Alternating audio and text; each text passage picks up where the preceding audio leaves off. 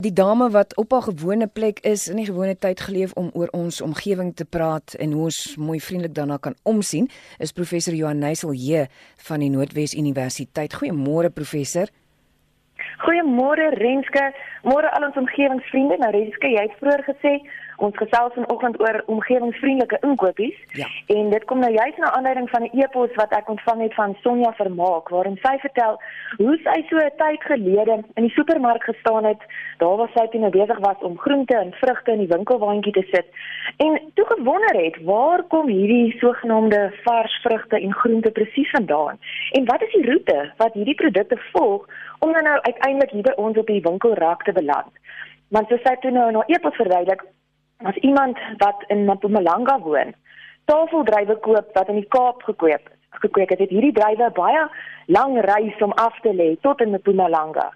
En kan hierdie afstand wat hierdie drywe dan nou moet af lê tot by hulle bestemming, eerstens maak dat dit nie heeltemal vars is nie, maar tweedens kan dit ook beteken dat dit 'n baie hoë koolstofvoetspoor sou hê.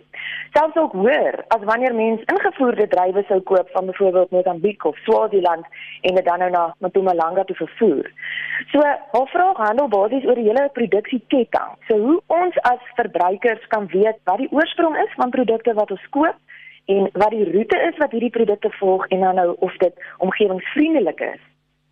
So eerstens as ons praat oor die produksieketting, dan moet ons maar versigtig wees om te veralgemeen, want natuurlik het elke handelaar het sy eie verspreidingsnetwerk en elke winkel besluit op die ou en self wie is die goedkoopste of die beste verskaffer by wie dan die produkte dan nou aangekoop word. Maar ek het in die week gesels met Magda de Tooi Nou sy is die kommunikasiebestuurder van die bekende Beyer groep en sy's regtig goed op hoogte oor die meeste voedselverspreidingsnetwerke hier in Suid-Afrika. Nou sy vertel dat een van ons bekende winkelgroepe, hulle het byvoorbeeld 'n kontrak met spesifieke boere waar die vrugte en die groente in koelkamers en in pakhuise daar op die plase gestoor word terwyl die boere dan nou self hierdie groente en vrugte verpak in die winkel te voorgeskrewe verpakking en waarna dit dan met koeltrokke na 'n sentrale punt vervoer word en dan nou na die betrokke kettingwinkels versprei word. Aan die ander kant weet ons boere kan natuurlik ook hulle produkte direk by die varsprodukmarkte gaan verkoop aan handelaars of aan agente wat dan nou namens winkels op 'n groot maat hierdie produkte inkoop. En vanaf hier gaan die produkte dan gewoonlik eers deur na ander pakhuise waar dit herverpak word en dan besorg word aan spesifieke winkels. So die verspreidingsnetwerk verskil van handelaar maar dit verskil ook van produk tot produk. So 'n produk soos piesangs byvoorbeeld word groen verpak daar op die boer se plaas en gewoonlik op die markte gegas tot op 'n spesifieke vlak van rypheid waarna dit dan versprei word na die winkels. So wanneer ons die piesang in die winkels koop, is dit vars en dit is ryp alhoewel daardie piesang eintlik al vir 'n hele paar dae op die pad was. En so het arbeie byvoorbeeld 'n korter rakleeftyd as lemoene en sal hierdie verspreidingsnetwerk ook verskil. Maar gelukkig Renske, deesdae het al die groot produsente het handelsmerke waar volgens mense die boer ook kan eien en presies die oorsprong van hierdie produk bepaal. So al die produkte wat in supermarkte en in kettingwinkels verkoop word, moet ons tegnies kan naspeur um, tot op daai punt van oorsprong. En dit is dit is vandag eintlik slegs by ons informele markte waar ons nie regtig presies weet wat die oorsprong of die roete van hierdie produk was nie.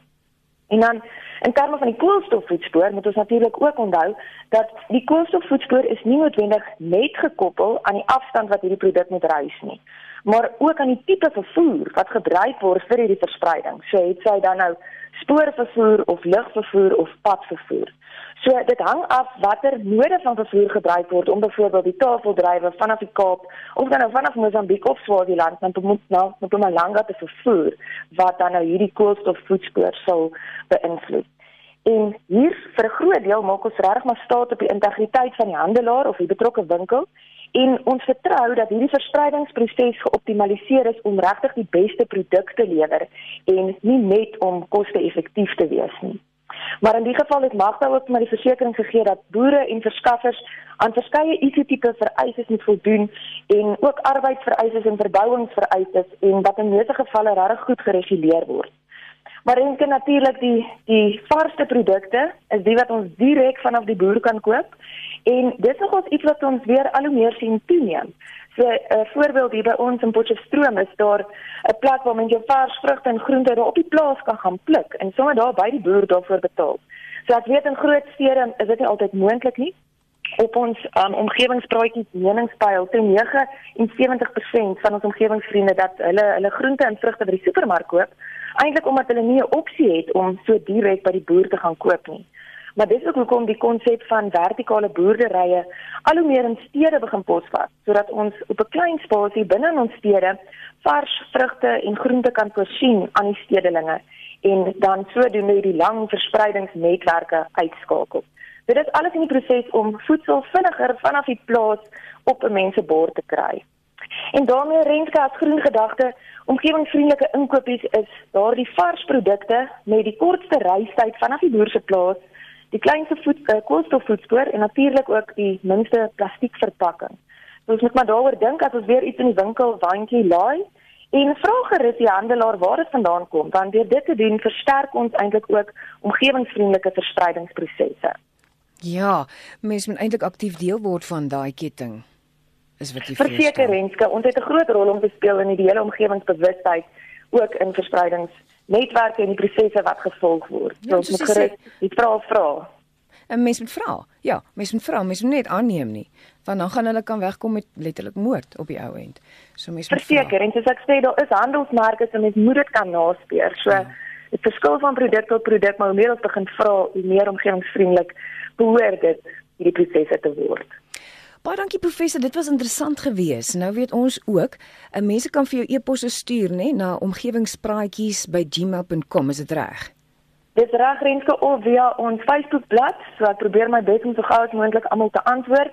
So enige vrae of idees of sommer net kommentaar enigiets is welkom. Ja, dan is nogal besig sosiale media deesdae. So dis omgewingspraatjies is jou Facebookblad dan. Ja, omgewingspraatjies is die Facebookblad en die e-pos is ook omgewingspraatjies die is aan @gmail.com.